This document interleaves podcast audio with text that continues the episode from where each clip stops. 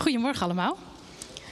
Fijn om hier weer te zijn. Een paar weken geleden mocht ik hier ook al voorgaan. Um, vanochtend zou Niels het eigenlijk doen, maar ja, de camera's die zijn natuurlijk nu in de, in de Prinsenkerk. Dus vandaar dat uh, Niels daarheen mocht. En uh, ik hier bij jullie mag zijn. Ik ben Corine um, en ik, bedoel, ik studeer theologie aan de PTU. En van daaruit loop ik mijn stage, ben ik predikant in opleiding ook in deze gemeente. Dus misschien dat je me ergens al voorbij hebt zien komen, maar dat is dan vanuit die kant. En ik wil vanochtend met jullie nadenken over een gedeelte uit Matthäus, want dat uh, doen we voorlopig. We gaan uh, kijken naar Jezus vanuit het Matthäus-evangelie. En toen dacht ik, wat ga ik, uh, wat ga ik doen? En toen vond ik echt een heel mooi verhaal, eigenlijk een heel klein verhaaltje in Matthäus 17. En dat wil ik graag eh, met jullie gaan lezen vandaag en erover nadenken. En het is ook best wel een beetje een bijzonder verhaal.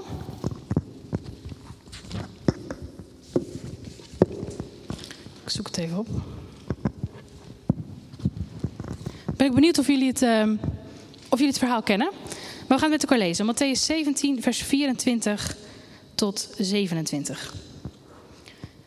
Toen ze, dat is Jezus met zijn leerlingen, in Capernaum waren aangekomen, kwamen de inners van de tempelbelasting bij Petrus. En ze vroegen: Draagt uw meester de dubbeldrachme niet af? Hij antwoordde: Zeker wel. En toen hij thuis kwam, was Jezus hem al voor met de vraag: Wat denk je, Simon? Van wie innen de heersers op aarde tol of belasting? Van hun eigen kinderen of van anderen? En op zijn antwoord van anderen zei Jezus tegen hem: Dan zijn de kinderen dus vrijgesteld. Maar laten we hen niet voor het hoofd stoten. Ga naar het meer, werp daar je hengel uit en haal de vis die het eerst bijt van de haak. En als je zijn bek opent, zul je een vierdrachme stuk vinden. Neem dat mee en betaal hun voor ons allebei. Wie kent het verhaal? Oh, kijk, kijk, heel goed. Toch wat uh, Bijbelkennis. Het is best een, best een beetje een apart verhaaltje. En waar gaat het nou precies over? Om het goed te kunnen begrijpen, moeten we eigenlijk nog een stukje uit de Bijbel lezen. En dat is namelijk om iets te verduidelijken over wat nou precies die dubbeldrachme is. En dat lezen we in Exodus 30. Want daar wordt die tempelbelasting namelijk ingesteld. Dus dat is het tweede stuk wat ik met jullie wil lezen. Exodus 30, vanaf vers 11. Daar staat: De Heer zei tegen Mozes: Als je onder de Israëlieten een telling houdt, moeten alle die geregistreerd worden de Heer losgeld betalen voor hun leven. Om te voorkomen dat de telling hun noodlottig wordt. Ieder die meegeteld wordt, moet een halve shekel betalen, volgens het eikgewicht van het heiligdom. 20 gera per shekel. De heffing voor de Heer bedraagt de helft daarvan. Ieder die meegeteld wordt, ieder van 20 jaar of ouder, moet deze heffing voor de Heer betalen. Rijken dragen als losprijs voor hun leven niet meer af dan een halve shekel en armen niet minder. Het losgeld dat je van de Israëlieten in ontvangst neemt, moet gebruikt worden voor de dienst in de ontmoetingstent. De losprijs die de Israëlieten voor hun leven betalen, zal ervoor zorgen dat de Heer hen niet vergeet.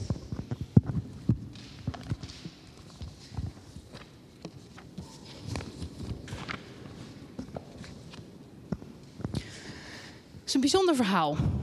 Petrus die dus naar het meer moet, een vis moet gaan vangen en daar dus die tempelbelasting in die bek van die vis gaat vangen.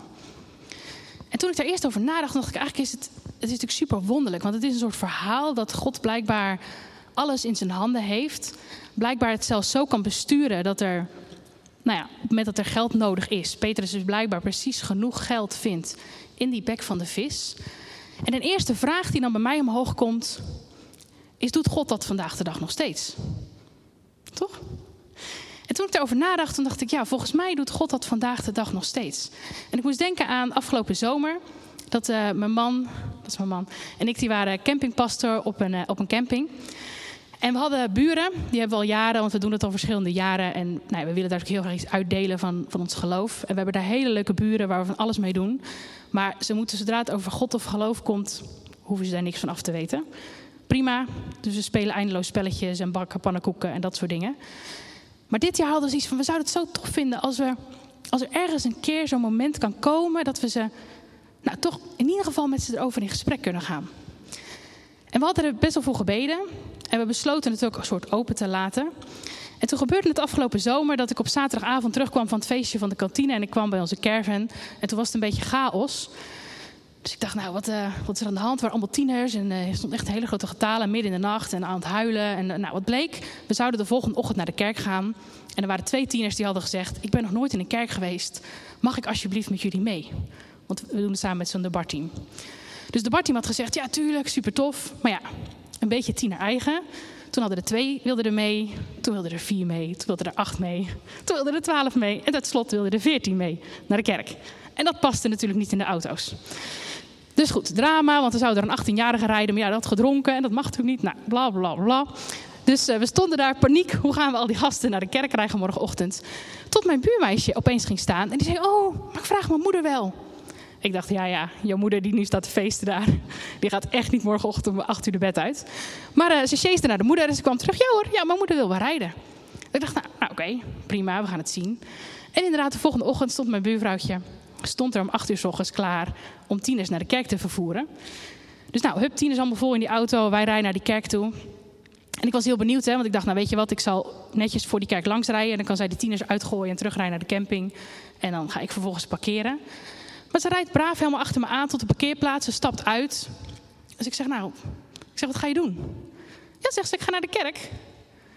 Oh, nou, oké, uh, kom mee. Dus vervolgens belandde ik met haar opeens in de kerk. En nou ja, ik kan er nog een heel verhaal over vertellen, want het, nou, het zette heel wat in beweging vervolgens. We hebben echt hele bijzondere gesprekken met haar gevoerd. Maar het was ook zo'n soort moment. Dat ik dacht, oh ja, ik had het soort helemaal niet voorzien, totaal niet berekend. En opeens op een hele gekke manier eigenlijk voorziet God.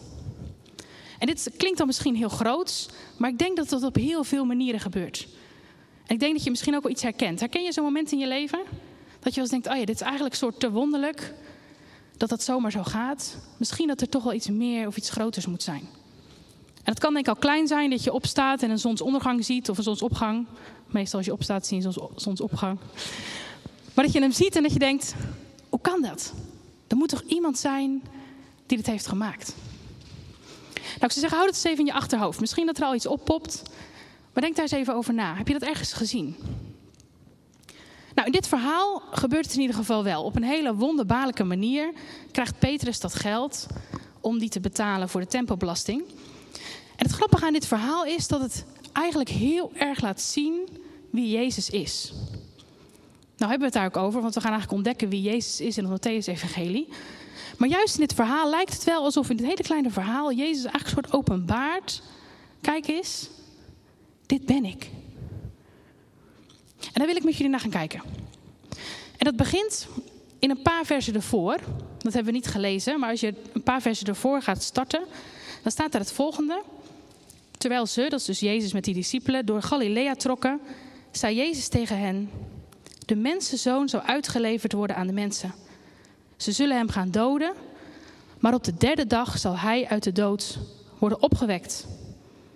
En dit maakte hen zeer bedroefd, staat er dan vervolgens achteraan. Dus Jezus was op weg naar Capernaum. Hij had al van alles gedaan, allerlei wonderen, ze hadden al van alles gezien. En de verwachting was super hoog geworden, want ze dachten: dit wordt de man. Nou, die gaat ons straks verlossen van die Romeinen. En dan zegt hij hier opeens: Ja, maar jongens, de echte reden waarom ik er ben, is omdat ik straks ga sterven en ga lijden. En ik ga ook weer opstaan, maar dat leken ze al niet eens meer te horen, want ze worden heel verdrietig. Ze zegt, jongens, ik ben, niet, ik ben niet zomaar Jezus. Ik ben niet zomaar iemand die hier allerlei wonderen komt doen en jullie komt verlossen. Maar mijn daadwerkelijke reden waarom ik gekomen ben, is omdat ik ga lijden, ga sterven en weer ga opstaan. Het is eigenlijk alsof hij hier voor het eerst soort iets laat zien. Dit is wie ik echt ben. Dit is de echte reden waarom ik gekomen ben. Met een moeilijk woord noemen we dat ook wel eens de Christus. Ken misschien wel Jezus, Christus. Hij laat eigenlijk zien, ik ben niet alleen maar Jezus, maar ik ben ook Christus. Degene die gaat lijden en gaat sterven. En dan vervolgens komen ze in Capernaum. En ze komen er aan en dan komen die inners van die tempelbelasting en die komen vragen om die dubbeldrachme. Nou, wat is die dubbeldrachme? Dat hebben we net met elkaar gelezen. Die dubbeldrachme is hetzelfde als die halve sikkel die toen ten tijde van Mozes dus is ingesteld. Kon iemand eruit halen waar, werd het geld precies voor bedoeld? Wat denk je? Ik bedoel, ze haalden ieder jaar heel veel geld op, want iedereen moest eraan betalen. Waar zouden ze dat voor gebruiken? Ja, voor de tempeldienst. Ja. Dus dat geld, iedere Israëliet moest bijdragen. Vind ik heel bijzonder. Hè? Ik weet niet of het opviel, maar er stond er heel duidelijk. Iedere Israëliet van 20 jaar of ouder, of je nu rijk was of arm, man, vrouw, jong, oud, maakte niet uit. Iedereen betaalde hetzelfde bedrag. Mocht niet meer zijn, mocht niet minder. En van al dat geld werd inderdaad gewoon de dingen in de tempel. Eigenlijk betaalde je soort voor je verlossing, kon je wel zeggen. Er werden alle dieren van gekocht. En er wordt ervoor gezorgd dat iedere dag al die dieren geofferd konden worden. Zodat er iedere dag eigenlijk weer die verzoening, die verlossing tussen God en de mens plaats kon vinden. En die tempel, dat vraagt die belasting van toen was overgegaan. En die tempelbelasting in die dubbeldrachma. En dat, dat komen ze ophalen. En ze komen aan bij Petrus en zeggen, ja, uh, je meester heeft niet betaald. En dan zegt Jezus die hele interessante woorden. Want dan zegt hij, van wie innen de heersers op aarde nou die belasting? Is dat nou van hun eigen kinderen of van anderen? Nou ja, zegt Petrus. Anderen, natuurlijk. Dat is nog steeds zo. Volgens mij moeten de kinderen van Willem-Alexander... die hoeven geen, niet overal belasting over te betalen, toch? Dacht ik. Maar in ieder geval, de kinderen hoeven geen belasting te betalen. Dus het is anderen. Anderen moeten de belasting betalen. En dan zegt Jezus... Dan zijn de kinderen dus vrijgesteld. Supermooi. Jezus laat dus eerst zien, ik ben Jezus.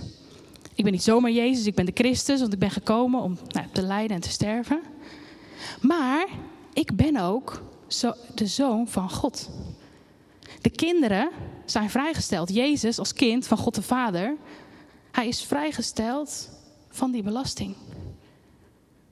Hij is niet, niet, zomaar een of andere Jezus, niet een of andere Christus die komt zeggen dat hij komt lijden en komt sterven. Nee, hij zegt dat omdat hij zoon van God is. Een zoon van God die eigenlijk al vrijgesteld is van die belasting, maar er toch bewust voor kiest om het te gaan dragen. Want hij is vrijgesteld. En dan zegt Jezus: Oké, we gaan u niet voor het hoofd stoten. We gaan toch die belasting betalen. Ga maar op weg. En dan komt die hele bizarre opdracht. Pak je hengel, ga naar het meer, vang een vis. En in die bek van de vis ga je dat muntstuk vinden. En is iemand opgevallen wat voor muntstuk die dan gaat vinden in die bek van de vis? Wat? Ja, een drachma. Wat voor drachmastuk? Ja, een vier. Ja. Het is heel gek. Misschien kan hij even te beamen. Of is dat heel lastig? Zie je? Als je zijn bek opent, dan zul je een vier drachmastuk vinden. En wat moesten ze betalen voor de tempelbelasting? Een tweedrachmenstuk. Dus wat Jezus eigenlijk zegt is van ga maar, je gaat een vierdrachmenstuk vinden. En dan zet hij erachteraan, want neem dat mee en betaal hun voor ons allebei. Dus hij laat zien, ik ben Jezus, ik ben de Christus, ik ga komen om te lijden en te sterven. Ik doe het niet zomaar, want ik kan dat doen omdat ik zoon van God ben. Ik ben gekomen als mens, maar ook als zoon van God. En ik doe dat om te betalen. Want ik betaal ook voor jou. En dat mag Petrus gaan doen. Zie je eigenlijk soort steeds een laagje dieper openbaart Jezus hier wie hij is. En dan kom je ergens een beetje op een spannend punt. Ik weet niet of je dat herkent, maar zeker als het dan zo staat, hè, neem, nou ja, neem dat, betaling voor ons allebei. Dan is dat een beetje de vraag die ik veel hoor van, is het dan daadwerkelijk zo makkelijk? Toch? Jezus is gekomen, gestorven, geleden, betaald hoef ik niks meer te doen. Hoe zit dat dan precies? Nou, ik denk dat misschien de moeilijkheid van dit hele verhaal eigenlijk hierna komt. Want stel je voor dat je Petrus bent en je krijgt zo'n opdracht. Stel je voor dat ik jullie de opdracht zou geven. Dat ik zeg, nou jongens, na de kerk is er koffie, maar eh, die koffie zou ik niet doen. Ik zou vooral je hengel thuis gaan halen. En wat voor water zit hier vlakbij? Ik ben niet echt een Rotterdammer. Nou, de rotte. Als je daar naartoe gaat met je hengel, ik zeg je, in de eerste vis die je vangt, dan vind je 100 euro. Wie gaat er? Ja, het is droevig. Ik zou het ook niet doen, want ik ben Jezus niet. Dus je moet zeker niet gaan. Maar je voelt wel ergens aan dat het, is een hele bizarre opdracht. Dus als Jezus tegen je zegt, nou ja, in die eerste bek van die vis ga je dat muntstuk vinden. Dat vraagt ook nog wel wat. Want het vraagt dat Petrus daadwerkelijk naar huis moet gaan, zijn hengel moet halen, erop moet geloven en vertrouwen dat wat Jezus zegt echt waar is. En dat als hij daar gaat vissen, er daadwerkelijk in de eerste bek van die vis een muntstuk naar boven komt. En volgens mij werkt het met geloven wel zo. Jezus heeft daar betaald aan het kruis. Maar het vraagt ergens nog wel wat. En het vraagt volgens mij dat geloof en dat vertrouwen. Dat geloof en dat Hij dat gedaan heeft. En een stuk vertrouwen om je daaraan over te geven. En je leven achter Jezus aan te leven. In het geloven en in het vertrouwen dat wat Hij daar gedaan heeft, dat dat genoeg is. En dat Hij die betaling heeft gedaan. Voor jou en voor mij. En dat maakt het soms nog best wel ingewikkeld. Je hebt zo'n uitspraak: genade is wel gratis, maar niet goedkoop. Nou, daar lijkt het hier een beetje op. Jezus heeft het gedaan, maar het vraagt van ons een stuk geloof en vertrouwen om daadwerkelijk nog naar het meer te gaan en die vis te gaan vangen. Een bijzonder verhaal. Dus ergens zien we dat God op wonderbaarlijke manier alles in zijn handen houdt. Ergens zien we een soort Jezus zichzelf openbaren, zichzelf laten zien. Dat hij Jezus is, Christus, de Zoon van God. Uiteindelijk die verlosser die dus gaat betalen voor hem en voor Petrus. En toen dacht ik, ergens is volgens mij die vis, is de hele samenvatting van dit verhaal. Ik ben vorig jaar in Israël geweest en heb ik de Petrusvis gegeten. Ze weten niet of dat het werkelijk, ze weten eigenlijk niet wat voor vis het is geweest. Maar als je kijkt naar het Griekse woordje voor vis, is er iemand die dat weet? Het Griekse woordje voor vis? Ja, ichthys. Het Griekse woordje voor vis is ichthys. En dacht ik, dat is best wel bijzonder. Want wat ichthys, dat staat namelijk, die letters, die staan namelijk voor andere woorden. In de vroege kerk gebruikten ze dat heel veel. Om soort zichzelf nou te kunnen herkennen. Want ze zeiden eigenlijk, die ichthys is de samenvatting van wie Jezus is. Want waar staat ichthys voor? Is iemand die dat weet? Ja, inderdaad. Die ichthys staat voor Jezus Christus, Zoon van God, Verlosser. Dus Jezus openbaart zich eigenlijk. Hij zegt, dit is wie ik ben. Ik ben Jezus Christus, Zoon van God, Verlosser.